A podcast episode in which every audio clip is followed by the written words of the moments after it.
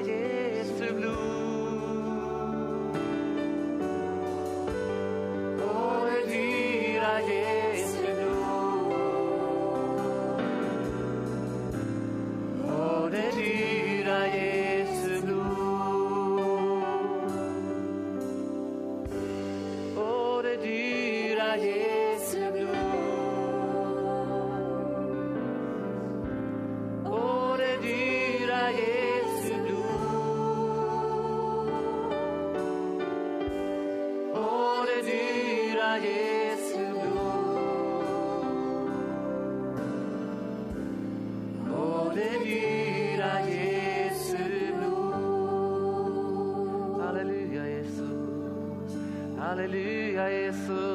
För ditt blod. Tack för ditt blod Jesus. Och vi ärar dig Gud. Och vi tackar dig Jesus. Tack för ditt dyra blod. Tack för ditt dyra blod. Tack för ditt dyra blod. Tack Jesus.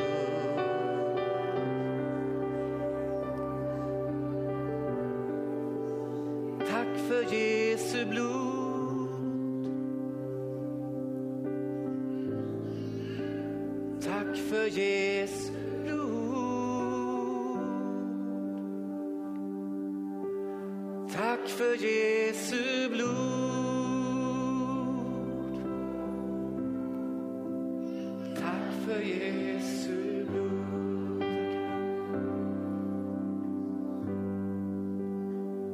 Tack för Jesu blod.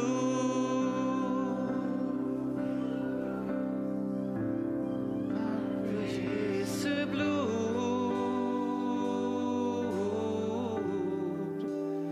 Tack för Jesu blod. Tack för Jesu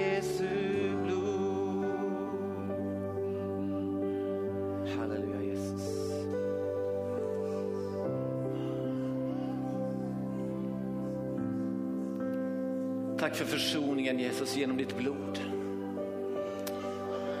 Tack att ditt blod talar om nåd idag. Det talar om nåd, det talar om frälsning. Det talar om förlåtelse och det talar om upprättelse och läkedom. Det dyrbara blod som rann en gång på korset. Dess kraft är verksam än idag. Tack att du verkar idag Herre. Tack för ditt dyra blod Jesus som rann för oss. Bara tacka Jesus när du står just nu för frälsningen. Tacka Jesus där du står just nu för räddningen. Tacka honom för blodet. Tacka honom för korset. Tack Jesus för ditt blod. Prisa dig för ditt blod Jesus. Halleluja. Och vi tackar dig Jesus och prisar dig. Halleluja Jesus prisar ditt namn Jesus. Tack Jesus. Tack Jesus.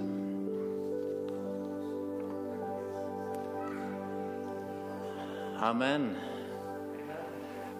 Halleluja. Varsågod och sitt ner allihop. Tack så mycket lovsångare. Tack så mycket Beo, inledningen. Då. Jättehärligt. Visst är det fantastiskt att få komma hit söndag efter söndag och höra Guds ord och prisa Herren. Det är ett privilegium att få komma inför Gud. Och vi tar det som så för självklart så vi tänker inte ens på det. Men jag tänkte när vi tog en liten stund där och prisa Jesus för hans blod. Alltså, det är inte självklart. Men vi är så tacksamma för blodet, vi är så tacksamma för korset. Som har, så liksom, Jesus som dog för oss och vann evigt liv för oss och vi får tillhöra honom. Så vi kan inte sluta och tacka honom för det. Vi kan komma inför nådens tron med frimodighet står det, genom Jesu blod på en ny och levande väg som han har inlett åt oss eller förberett åt oss. Och vi kan komma varenda dag. Och det finns ett djup av tacksamhet i våra hjärtan för det. Vad ska man prata om idag en sån här söndag? Vasaloppssöndag och allting. Jag hade tvn på i morse en stund när jag åt frukost och det är massor med folk som startar jättelopp. Och nu för tiden så finns det en och annan dalmas i vår församling som säkert har anknytning på något sätt till detta lopp. Jag förstår att för de som bor och är engagerade i föreningar längs vägen har ett digert arbete nu och haft det också ett tag. För oss är det långt bort. Men jag tänkte på det att förresten är det någon här som någon gång har åkt Vasaloppet? Det finns faktiskt. Tjejvasan det räknas också. Fantastiskt. Då undrar jag om det finns någon som känner någon här. Är det någon här inne som känner någon som åkt Vasaloppet? Då är det fler. Ja. Fantastiskt, det är ganska långt. Och vad de stakar och stakar och stakar. Alltså. Det ser jättejobbigt ut. Man blir trött av att titta på. Ja, det är beundransvärt. Vi skulle kunna prata om det idag. Vi skulle kunna prata om hur den ene inte tränger den andra, men det gör de ju i Vasaloppet så det stämmer inte riktigt. Vi skulle kunna prata om det lopp vi har framför oss. Det skulle vi också kunna göra. Men vi ska inte riktigt prata om Vasaloppet idag, men jag kunde inte låta bli en annan associerad till det i alla fall. P.O. var inne på det nu vid inledningen här och tog upp offret så pratade han lite grann om att vi kan vara i olika situationer av nöd. Och eh, då behöver vi hjälp. När vi har nöd så behöver vi hjälp. Har du behövt hjälp någon gång? Det har alla behövt. Alla behövt hjälp. Det finns saker man fixar själv. Det finns många saker man fixar själv. Man kan diska själv. De flesta av oss kan laga mat själv också. Eh, åtminstone hjälpligt. Någon historia har väl hört någon gång om någon man som alltid drack te på morgnarna, Så frun koka vattnet på kvällen så att det bara var att värma sen på morgonen. Men jag tror att det var en skröna. Det är inte säkert. Men i vilket fall som helst så, så är det ju så att vissa saker fixar vi själva, men så finns det saker vi inte fixar själva. Och till de sakerna så behöver vi hjälp. Och det är det jag tänker lite grann som är temat för, för predikarna. Det kommer gå åt lite olika håll.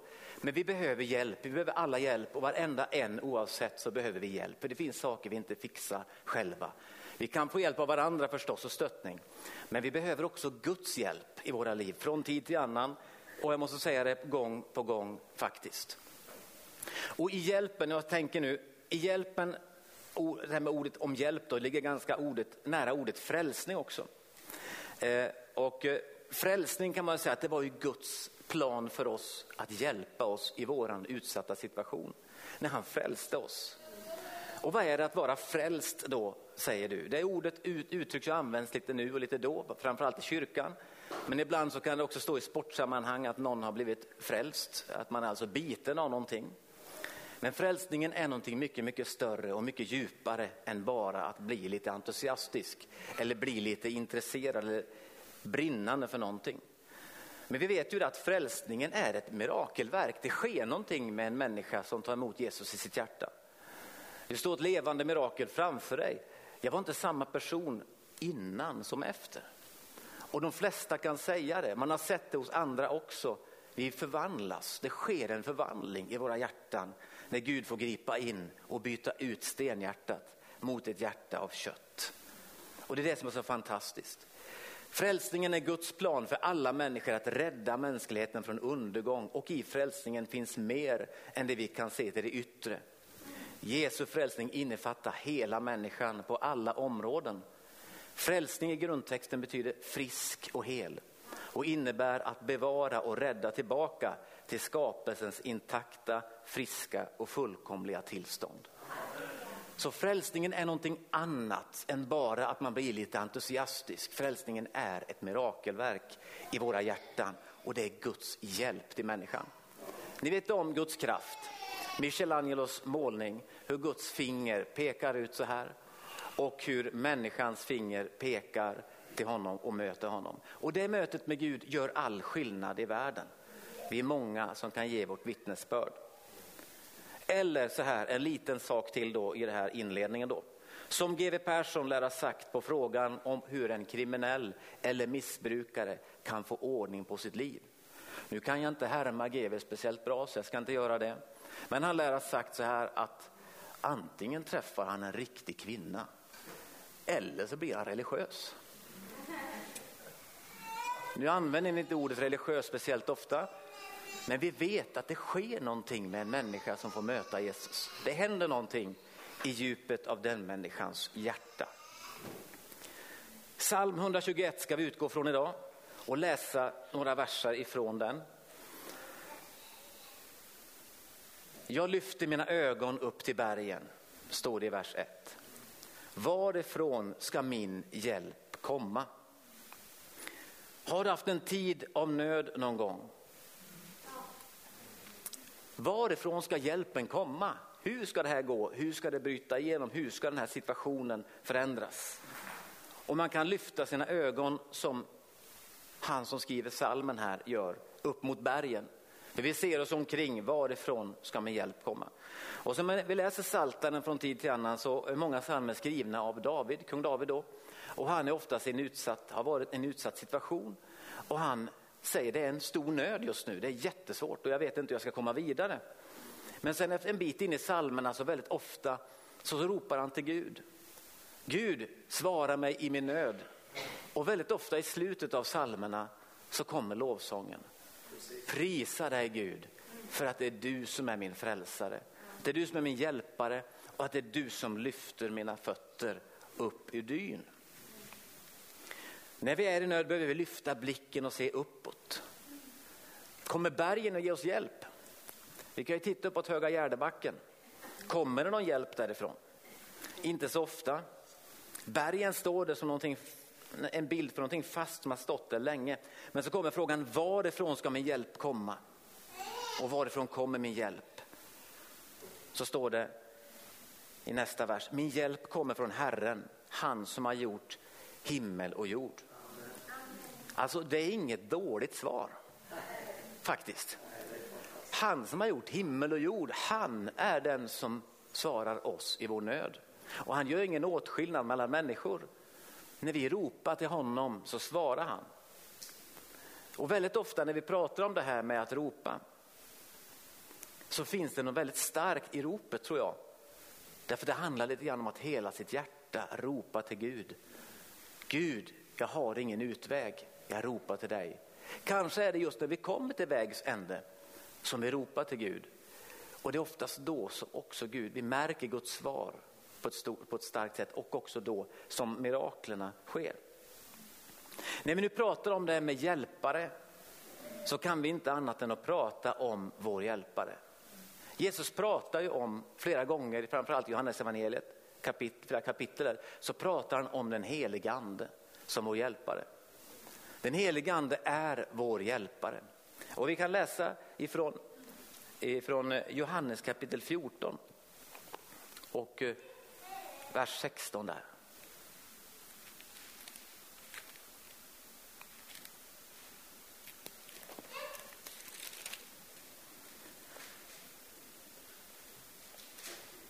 Och jag ska be Fadern och han ska ge er en annan hjälpare som alltid ska vara hos er.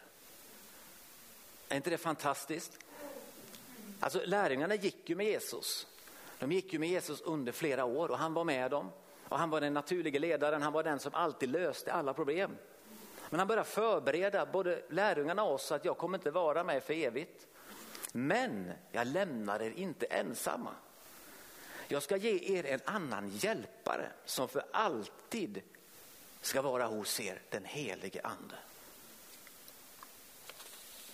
Och i kapitel 15 och vers 26, det står på flera ställen då i de här, om vi läser kapitel 14, 15 och 16 så står det på flera tillfällen då om det här. När hjälparen kommer som jag ska sända er från Fadern, sanningens ande som utgår från Fadern, då ska han vittna om mig. Den heliga ande kommer att peka på Jesus. Visst är vi glada för den heliga ande. Den helige ande ska leda oss in i hela sanningen, står det. Den helige ande är en domare över hjärtats uppsåt och tankar. Den helige ande uppenbarar Jesus. Han pekar på Jesus. Han ska påminna oss om allt. Hur många gånger har inte vi blivit påminda av den helige ande när vi varit i en situation? Hur bör vi göra nu? Vad ska vi göra nu? Och den helige ande har fått rådge oss och talat till oss och visat oss och uppenbarat oss sin väg och komma till lösningar. Det är Guds hjälp till oss i vår situation. Det är den hjälpen vi inte kan ge oss själva. Det är mer än att diska eller laga mat. Det är en livsvisdom från Gud. Och den helige ande pekar på Jesus. Ni vet att det kommer många budskap under en och samma dag till våra sinnen. Vi kan tänka en tanke när vi ber på morgonen och, och, vi får ett perspektiv. Och sen så kommer vi ut och så möter vi något annat. Och sen så ropar det högre. Och så glömmer vi det perspektivet som vi hade. Vad Gud talade till oss om. Och så blir det lite dunkelt och bortglömt. Men den helige ande vill påminna oss gång på gång på gång. Vem han är och vad han vill göra. I Hebreerbrevet kapitel 12 så står det så här i vers 2. Och låt oss ha blicken fäst vid Jesus, trons upphovsman och fullkomnare, som istället för den glädje som låg framför honom utstod korsets lidande utan att bry sig om skammen och som nu sitter på högra sidan om Guds tron. Tänk på honom som måste uthärda sådan fiendskap från syndare. Annars tröttnar ni och tappar modet. Vi behöver se på Jesus och den helige ande i oss vill hjälpa oss att peka på Jesus så att vi fortsätter ha vår blick på honom. Att vi påminner oss om hans seger, att det är han som är hövdingen, att det är honom vi tror på och det är honom vi följer. Jag läste en artikel under veckan här nu som handlade lite grann om en, ja, hur, hur det har utvecklats i vårt land. Sverige har förändrats, västvärlden har förändrats oerhört mycket om man går tillbaka några år i tiden. Och eh, även kyrkan eller, eller de troende har förändrats genom att vi har blivit väldigt, väldigt medvetna om trender som finns runt omkring oss. Och den här trendkänsligheten har gjort att vi har blivit lite vilsegångna, vi har tappat bort till viss del det enkla evangeliet. Och så byter vi ut det mot en massa andra grejer istället. Och vi tappar bort enkelheten med Gud. Men jag tror att vad Gud vill göra med våra liv i den här tiden är att han bara vill uppliva enkelheten med Jesus. Det enkla livet med Gud, att han bara vill öppna våra ögon så vi ser det igen. Vi kan införa alla möjliga trender. Det var en debatt nu i veckan faktiskt till och med på Sveriges Radio om man ska ha lovsång eller inte på gudstjänsterna. Och det kan man, kommer till och med upp i Sveriges Radio nu, ska vi ha lovsång eller inte? Jag tänker så här, ska vi ens prata om den här frågan? Hur viktig är den egentligen? Det är klart att lovsången är jätteviktig, jag säger inte det. Men är det, vad är det handlar om egentligen? Det handlar om något helt annat. Det är vårt uppdrag. Vi får inte glömma varför den heliga ande har blivit oss given.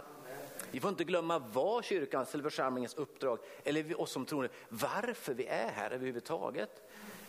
Vi är inte här för att debattera om vi ska ha lovsång eller inte i kyrkan.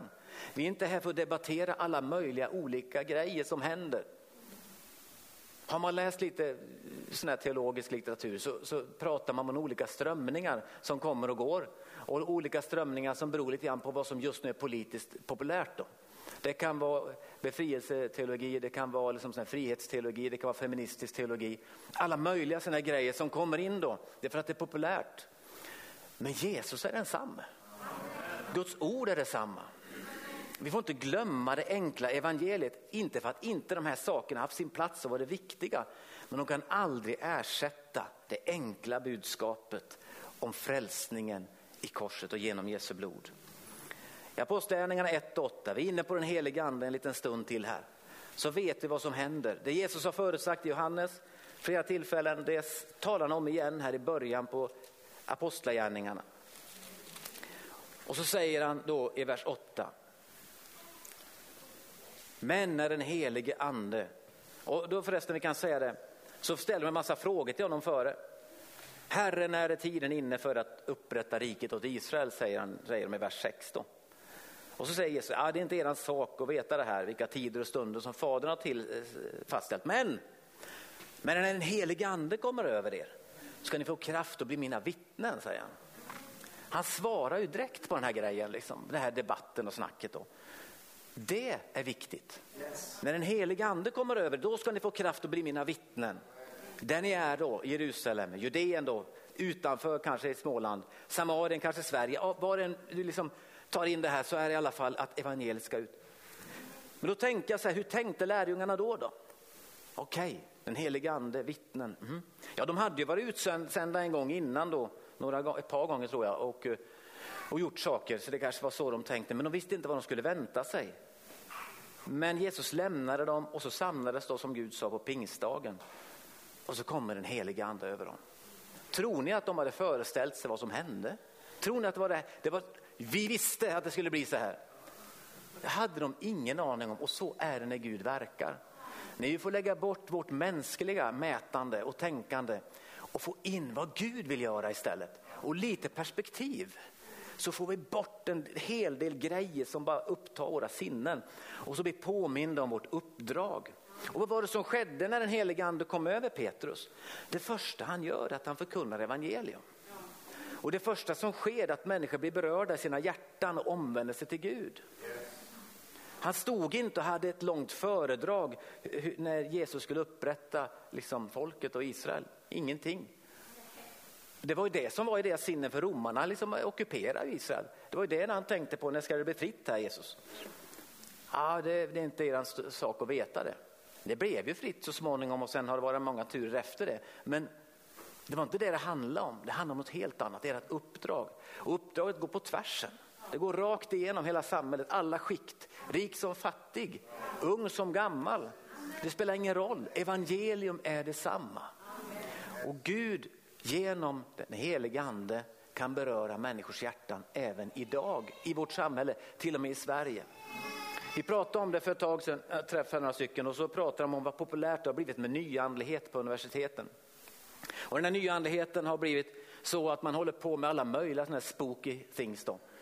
Och spår och håller på med kort och grejer. Så tänker jag, här är människor som läser och en del av dem, alltså det är akademiker och så. Och de har ju ingen tro säger de för många är agnostiker och allt vad det heter. Men de här grejerna, vad, vad säger det? Människan har en andlig längtan. Det finns en andlig längtan, det spelar ingen roll om man har läst hundra år på universitet eller om man aldrig har gått i skolan och inte kan läsa och skriva. En andlig längtan finns ändå, en längtan efter Gud, en längtan efter mening med sitt liv, en längtan efter en inre tillfredsställelse. Jag tänker lite grann så här också att eh, det som har skett här nu i, i Kentucky, va? vad heter stan? Ashbury heter det ja. ja. Universitetet där då, som har skett flera gånger. Det är helt fantastiskt att se de bilderna och filmerna där. Hade eleverna som gick in på den här morgonsamlingen förvänta sig, ja men nu, nej. Det bara kom något från himlen och förvandlade deras liv. Och jag tycker det är så fantastiskt att se, vad sker när den helige ande kommer över människor då? Ja men de får rätt perspektiv på grejerna. Det blir liksom ordning i huvudet och man slutar med sina grejer, eller hur? Amen. Det är liksom det här yttre prylarna. Det är helt oviktigt egentligen i jämförelse med vad det är som det handlar om. Vad handlar det om? Evangeliet handlar om att människan behöver upprättelse och frälsning. Jag tycker vi ser gång på gång, jag sa det för en stund sedan också, att Guds kraft kan fullständigt förvandla och ställa till rätta. Eller kanske snarare vända upp och ner på allt. Och få mig att tänka annorlunda om mig själv och om alla andra. Sen har jag varit med om en sak till. Jag har upplevt att i perioder har jag tappat det här perspektivet. Jag är säkert den enda här inne som har tappat det här perspektivet emellanåt. Och då så har det blivit så att speciellt de sista åren så har Gud bara påmint mig, det handlar inte om de här grejerna. Det handlar om det här. Och det har varit så, så viktigt för, för när jag mötte Jesus en gång för många år sedan. Jag var inte i en kyrka.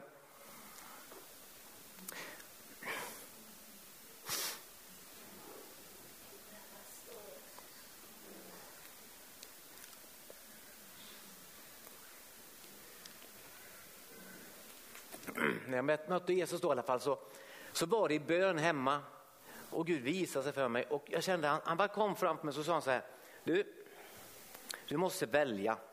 Du kan inte gå på båda vägarna. Du kan inte både leva för mig och leva för dig själv. Det går inte. Och det, det gick inte att gå förbi det där. Liksom. Det gick inte. Det är antingen eller. Det var jättejobbigt. Och samtidigt var det så befriande. Därför att det fick mig att förstå att bli Guds barn det är också att följa honom. Att bli Guds son och dotter, det är också att följa honom.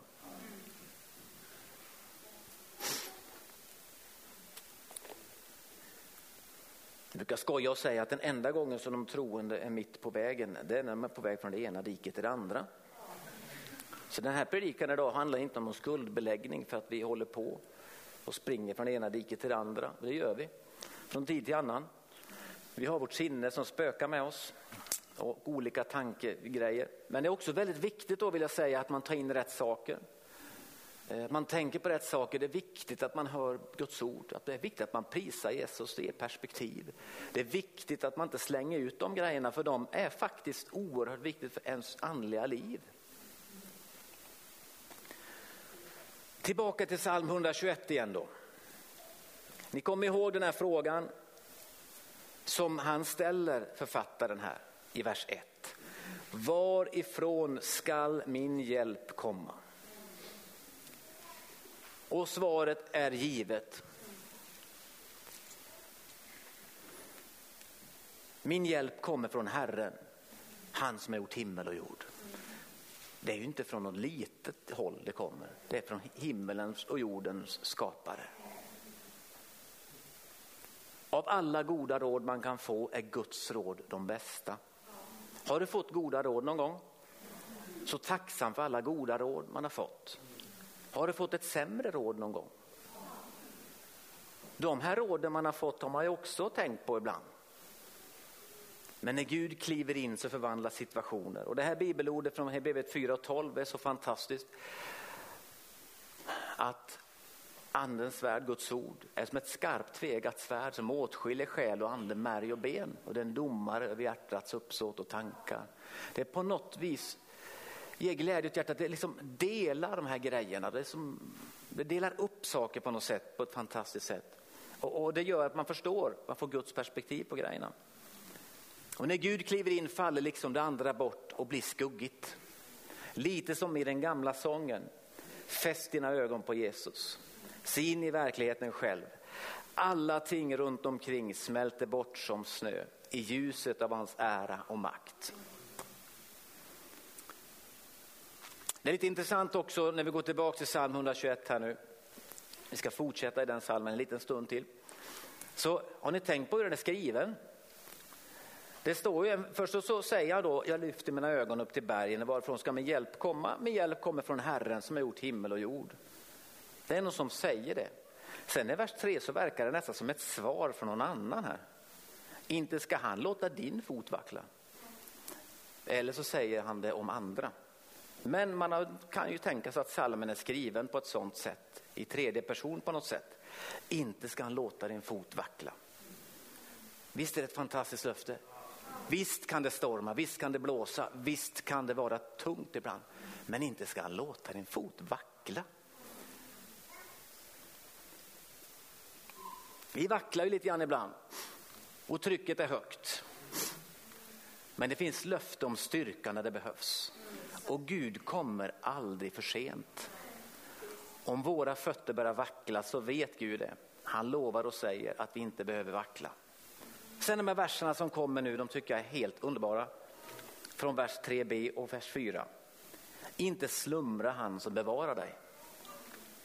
Nej, han som bevarar Israel, han slumrar inte. Han sover inte. Vi går ibland på känsla. Vi känner om, om Gud är här eller inte, och så, men nu är han inte här, nu sover han. Gud sover aldrig. Ibland kan vi ha tider när vi känner Guds närvaro väldigt starkt i våra liv, ibland känner vi ingenting. Det är därför som, som Bibeln uppmanar oss att vandra i tro, inte åskådning. Att vi har vår blick på Jesus oavsett. Därför att ibland så, så, så känner vi inte Guds närvaro. Och det är faktiskt bibliskt. Gång på gång kan vi läsa om Guds män och Guds kvinnor, hur de går igenom olika utmaningar och öknar. Vi behöver vår blick på rätt grejer. Har du ropat till Gud någon gång? Det har vi gjort, de flesta av oss har ropat till Gud. Och när vi ropar till Gud så svarar han. Han svarar. Gud svarar när vi ropar. Vårt perspektiv är oftast kortare än Guds. Har du märkt det? Vi tänker att Gud ska svara nu eller igår. Men tänk att det är som Google ungefär. Googla, på svaret. Nej, fanns inget svar. Han lämnar oss aldrig, han hör oss alltid och är alltid på vår sida. Och så fortsätter vi en liten stund till här nu i vers 5. Herren bevarar dig, Herren är ditt skydd på din högra sida. Solen ska inte skada dig om dagen och inte månen om natten. Visst är det fantastiskt med Guds beskydd? Det står att vi ska bevaras och vara beskyddade. I frälsningen och hjälpen finns inte bara de omedelbara förändringarna utan också bevarelse och beskydd. Ni känner till psalm 91 som ligger bara väl precis innan här. Om man läser de första verserna och jag uppmanar dig att läsa psalm 91 från tid till annan. Det finns så underbara löften om Guds beskydd i psalm 91. Vi läser de två första verserna bara. Den som sitter under den högstes beskydd och vilar under den allsmäktige skugga. Visst vill vi sitta under den högstes beskydd. Visst vilar vi under den allsmäktiges skugga. Och då kan vi säga, i Herren har jag min tillflykt och min borg, min Gud, som jag förtröstar på. Gud är vår borg. Vad är en borg för någonting? Ni vet om att här i Sverige så finns det jättemycket gamla byggnader för att det har varit en del krig och oroligheter. Och läser man historien om Sverige så förstår man att de här fästningarna och borgarna de byggdes därför att det verkligen behövde finnas befästningar för att kunna försvara sig. Och om man har gått på någon guidad tur, till exempel Kalmar slott eller något sånt där, så vet ni om det att, den, jag kan inte hela berättelsen, men det var en och annan belägring då som man försökte inta Kalmar slott och människorna gömde sig där inne för att murarna skyddade. Det fanns skydd i murarna. Vissa slott och borgar har även vallgravar för att göra det ändå svårare för fienden och den tidens vapen att inta det. Dessutom hade man försörjning inne på borgen. Det fanns mat, man hade sparat undan mat så man skulle kunna vara där ganska länge utan att man skulle kunna behöva svälta. Och jag tänker att det här är en liten bild på Gud. Det kan komma tider och stunder i ditt liv när du får bara fly till borgen, till Herren. Och han är dina murar. Han är din vallgrav. Han är din försörjare. Och han tar hand om oss, precis som i gamla tiders krig. Så vi ska klara oss i en belägring. Psalm 46. I psalm 46 så finns en liknande, vi ska bara läsa igenom de verserna där.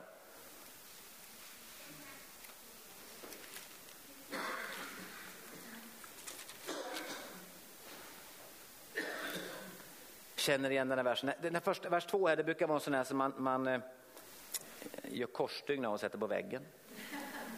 Gud är vår tillflykt och vår starkhet, en hjälp i nöden, väl beprövad.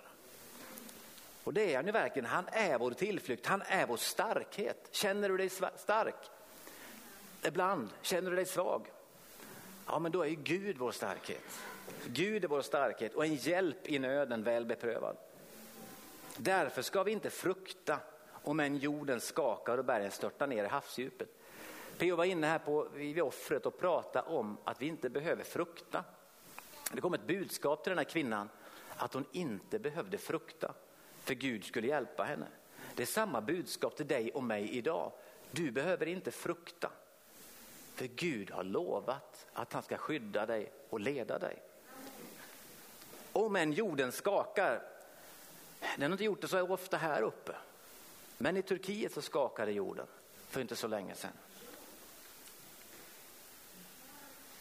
Och bergen störtar ner i havsdjupet. Om än vå havets vågor brusar och svallar så att bergen bävar vid dess uppror. Så kan det se ut. Men då så står det så här i vers 5. En ström går fram med flöden som ger glädje åt Guds stad, åt den högstes heliga boning. Jag tror att den här strömmen är, är den heliga ande. Den helige andes ström som ger glädje åt Guds stad. Gud bor där inne. Den vacklar inte. Gud hjälper den när morgonen gryr. Nu får jag inte gå händelserna i förväg här nu. Sen står det så här. hednafolken larmar, riken vacklar, han låter sin röst höras, då smälter jorden. Men Herren Sebaot är med oss. Jakobs Gud är vår borg. Han är vår borg. Kom och skåda Herrens verk, gärningar som väcker häpnad gör han på jorden. Han stilla strider över hela jorden. Bågen bryter han sönder och bräcker spjutet. Vagnarna bränner han upp i eld. Bli stilla och besinna att jag är Gud. Upphöjd bland hedna folken, upphöjd på jorden. Be still and know. Tänk på honom. Stilla ner din själ. Din stressade, kanske oroliga, min stressade oroliga själ och besinna att jag är Gud. Upphöjd bland hedna folken, upphöjd på jorden. Det är fantastiskt. Guds ord, det finns så mycket styrka och härlig vägledning i Guds ord som vi får gå tillbaka till gång på gång. Vi ska gå in för landning här nu. Vi ska inte hålla på så länge till. Jag ska bara ta de sista verserna också i psalm 21.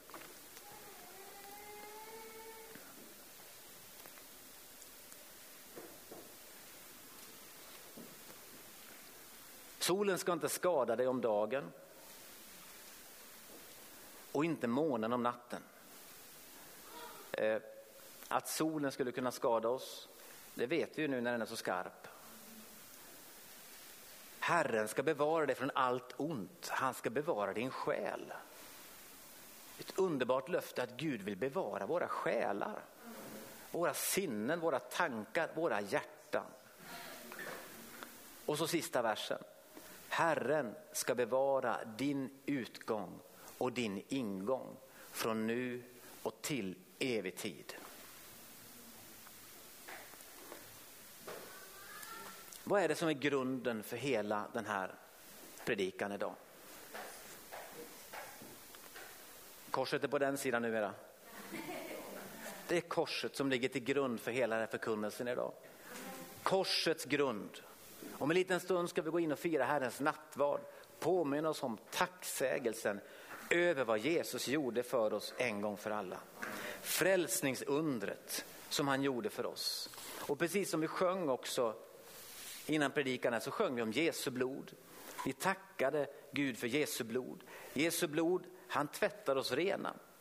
Om så våra synder är blodröda så tvättar han oss rena. Och i det här med omvändelse, det är så härligt med omvändelse, för många kan det upplevas jobbigt.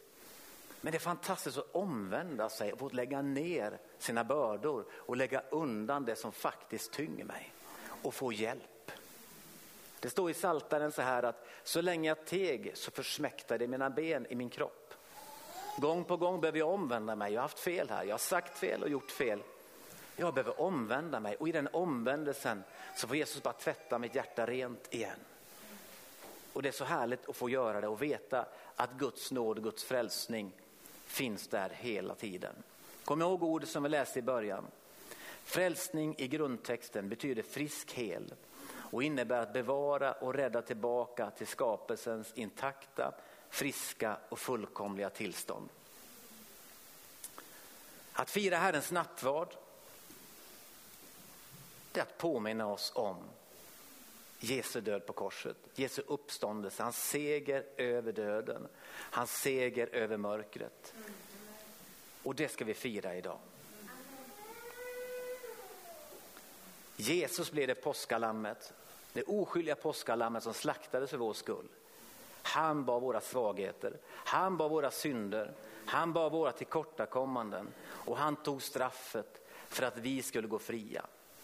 Och genom hans blod så kan vi ta emot förlåtelse och upprättelse. Och står du inför en utmaning idag, under nattvarden här så Gud han vet om det, han vill möta med dig under nattvarden. Det står i första Korinthierbrevet 15 och 55 så här. Du död, var är din udd? Du död, var är din seger? Låt oss påminna oss om det den här dagen. Herre, vi bara tackar dig för ditt underbara ord. Jesus, vi prisar dig för korset. Vi tackar dig för blodet. Tack för att det talar om nåd idag. Tack för att det talar om förlåtelse idag. Tack Jesus, vi prisar dig och ärar dig. Halleluja Jesus, vi tackar dig.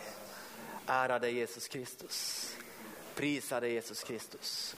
Tackar dig Jesus Kristus. Halleluja Gud. Tack Jesus. Halleluja Jesus. Vi tackar dig. Bara kom inför Herren där du är just nu. Var stilla inför honom just nu. Bara tala med honom. Det kanske händer att det är någonting som idag den här gudstjänsten, någonting i gudstjänsten, kanske det som jag har sagt, kanske det P har sagt, kanske Gud visar någonting annat som du bara behöver få prata med Gud om. Kanske finns det en nöd i ditt hjärta. Kanske finns det någonting där som Gud pekar på och som han bara vill hjälpa dig med. Kanske finns det ett rop där i ditt hjärta. Det kanske är dags att ta det här ropet och ta det över dina läppar och ropa till Gud. Du kanske får möta, behöver få möta Jesus igen. Du kanske behöver få en förnyelse i ditt förbund med Gud. Men det kanske är någonting annat, en utsatthet som du har. Så ta det inför Gud just nu där du är. Han vill lyfta av dig dina bördor. Han vill hela dig ifrån dina svagheter och sjukdomar. Han vill lyfta av dig din psykiska ohälsa och det som plågar din själ. Tack Jesus för att du är här just nu och du vill lyfta av bördor. Tack att du tar bort det som vill hindra oss från att se på dig. Tack Jesus för att du vill förnya ditt förbund med oss den här dagen Jesus. Tack Herre för att du vill förnya din närvaro i våra liv. Tack att du vill damma av Jesus det som har blivit dammigt i våra liv. Och så bara vill du låta oss få se på dig och höra dig tala igen. Det kanske finns någon här inne och du har sagt så här, det var länge sedan jag hörde Gud tala till mitt hjärta. Gud bara vill hjälpa, han vill damma av det där, han vill bara rensa det där. Den helige ande vill tala till dig klart och tydligt och visa dig sin väg. Både i stort och i smått. Kanske finns du här inne idag som säger, det känns som att när jag ber så studsar det bara. Gud bara vill öppna en dörr för dig den här dagen. En dörr som har känts som har varit stängd länge. Han vill öppna den dörren och låta dig kliva in i någonting nytt. Lämna det gamla. Det kanske finns någon här inne idag Du du upplevt dig felaktigt behandlad av någon eller några. Och det blir som en plåga i din själ. Vet om alla de där sakerna. Gud vill hela din själ. Han vill upprätta ditt hjärta och ge dig kraft att förlåta och gå vidare. Tack Jesus för att du är den som försonar. Du är den som helar och upprättar. Tack Jesus. Prisa ditt heliga namn.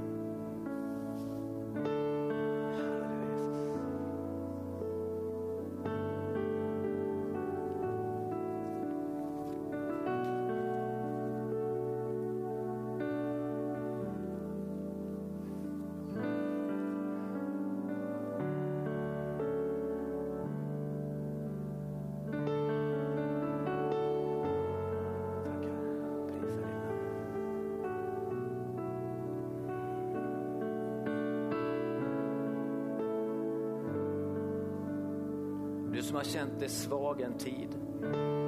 Bara ber i Jesu namn om styrka.